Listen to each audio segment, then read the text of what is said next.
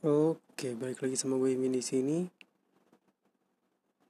Buat kalian dengerin sambil jongkok, sambil berdiri, sambil tiduran, sambil jalan, atau tidur sambil jalan. Wah, sleepwalking.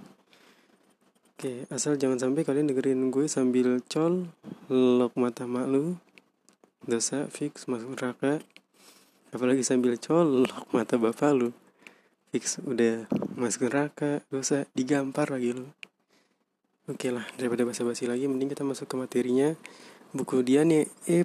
Papalia dengan judul Perkembangan Manusia, jilid 1. Let's go. Aduh, aduh, aduh. Harusnya minggu ini upload 2, eh minggu kemarin upload 2, sekarang ya sekarang udah hari Senin. Sorry, sorry. Oke, selamat datang buat para orang-orang terpilih yang masih dengerin podcast gue. Terima kasih. Oke, kita lanjut ya. Di sini ada tujuh prinsip dari pendekatan perkembangan rentang hidup dari Paul B. Beltes. Yang kurang lebihnya adalah rangkuman dari materi-materi sebelumnya gitu. Oke lanjut aja di sini nomor satu ada perkembangan adalah proses umur hidup. Perkembangan adalah proses perubahan seumur hidup. Setiap periode rentang kehidupan dipengaruhi oleh apa yang terjadi sebelumnya dan akan mempengaruhi yang akan datang. Setiap periode memiliki karakteristik yang unik dan bernilai. Tidak ada periode yang kurang atau lebih dibanding yang lain. Yang kedua, perkembangan adalah multidimensi. Terjadi bersama interaksi, terjadi interaksi antara multidimensi, yaitu biologis, psikologis, dan sosial. Seperti yang sudah dijelaskan di episode 1 ya. Yang ketiga, perkembangan adalah multi arah atau berbagai arah. Individu mungkin mendapatkan keuntungan di suatu area atau mungkin kehilangan di area yang lain. Kadang-kadang di waktu yang sama, hampir semua anak tumbuh dalam satu arah meningkat baik ukuran, kemampuan, atau hal lain. Kemudian keseimbangan secara bertahap berganti. Remaja pada umumnya memiliki peningkatan di segi fisik, namun di segi lainnya seperti perkembangan kosakata itu sudah perkembangannya tidak setingkat dengan fisik. Jadi kalau kalian tahu nih apa ya bayangin aja di game-game yang game-game online gitu yang punya karakter masing-masing tuh kan ada yang statistiknya tuh misalnya agility, speed atau intelektual gitulah itu kan ada grafik-grafiknya gitu ya. Misalnya kayak segi 6 tuh ada yang melencang ke sana ke sini ke situ gitu deh. Jadi itu dia kalau gambaran singkatnya. Selanjutnya di nomor 4 ada pengaruh relatif dari biologis dan budaya. Bergantian selama rentang kehidupan Perkembangan dipengaruhi oleh kedua aspek biologis dan budaya, tetapi keseimbangan antara pengaruh-pengaruh tersebut berubah. Kemampuan biologis, ketajaman sensoris, dan kekuatan otot dan koordinasi melemah seiring pertambahan usia, tetapi dukungan budaya, misalnya pendidikan, hubungan sosial, dan umur teknologi, lingkungan yang bersahabat mungkin membantu kompensasi. Jadi misalnya kita nggak bisa apa ya misalnya kita sudah kehilangan koordinasi atau kekuatan otot bisa dibantu dengan teknologi atau dengan lingkungan yang bersahabat misalnya kayak apa ya alat-alat bantu gitu.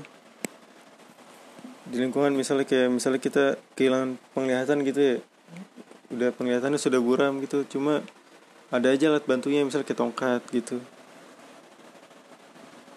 itu membantu secara kompensasi ya. Yang kelima, perkembangan melibatkan perubahan alokasi, perubahan sumber daya. Jadi individu ini sebenarnya berinvestasi pada sumber daya waktu, energi, bakat, uang, dan dukungan sosial. Di sini dibagi menjadi tiga. Yang pertama, sumber daya mungkin digunakan untuk tumbuh. Yang kedua, untuk pemeliharaan atau pemulihan. Yang ketiga, untuk berurusan dengan kehilangan atau regulasi terhadap kehilangan. Anak-anak muda kebanyakan sampai tua ya sampai anak-anak sampai dewasa ini cenderung menggunakannya untuk bertumbuh gitu. Misalnya untuk latihan untuk keterampilan tertentu. Sedangkan kalau yang sudah di parubaya sudah di usia yang lebih tua cenderung pada regulasi terhadap kehilangan. Sedangkan yang ketiga di parubaya kehidupan alokasi bahkan lebih simbang antara tiga fungsi. Yang ke keenam, perkembangan menunjukkan kekenyalan. Kekenyalan itu adalah kemampuan untuk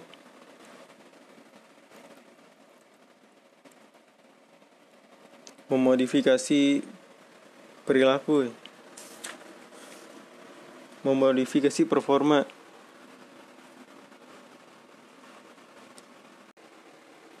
Yang ketujuh, perkembangan dipengaruhi oleh aspek historis dan konteks budaya.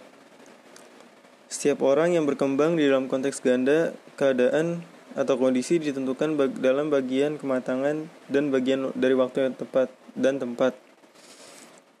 Manusia tidak hanya dipengaruhi tapi juga mempengaruhi melalui historis dan konteks budaya. Seperti yang kita, didiskus kita diskusikan di sepanjang buku ini, ilmuwan perkembangan telah menentukan kelompok usia yang berbeda secara signifikan.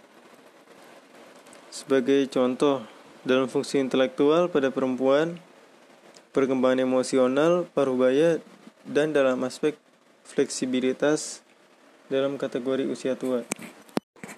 Ya kan sama sama tuh kayak yang waktu itu udah sempat dibahas. Jadi kalau yang mau dengerin lagi bisa didengerin ulang di bab ini maksudnya materi-materi sebelumnya Aduh, gak berasa udah di penghujung materi bab satu nih kita nih. Ya, gitulah. Sorry kalau episode kali ini kurang ada punchline-nya. Atau ada beberapa yang kurang dimengerti. Mungkin gue bisa perbaiki di episode-episode ke depan gitu. Hmm oke okay, gue singkat aja nih jadi gue ulang lagi nih. Di episode kali ini ada perkembangan adalah proses umur hidup. Yang pertama yang kedua perkembangan adalah multidimensi. Yang ketiga perkembangan adalah multi arah atau berbagai arah. Yang keempat pengaruh relatif dari biologis dan budaya bergantian selama tentang kehidupan. Yang kelima perkembangan melibatkan perubahan alokasi sumber daya. Yang keenam perkembangan menunjukkan kekenyalan. Yang ketujuh Perkembangan dipengaruhi oleh aspek historis dan konteks budaya. Hmm. Sebenarnya kalau boleh jujur kurang menarik ya bab ini ya. Atau mungkin guanya yang masih perlu belajar lagi tapi di bab 2 gue jamin bakal lebih seru.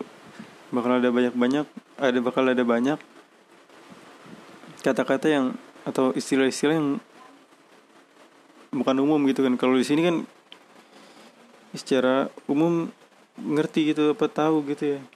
Misalnya kayak psikologi biologis fisik atau ini episode episode episode episode awal mungkin anak-anak kipa tahu ya maksudnya dari segi motorik halus motorik kasar itu kan umum ya episode depan kita bakal lebih membahas tentang teori-teori dan metode-metode penelitian yang mungkin akan mumet dan bisa juga seru.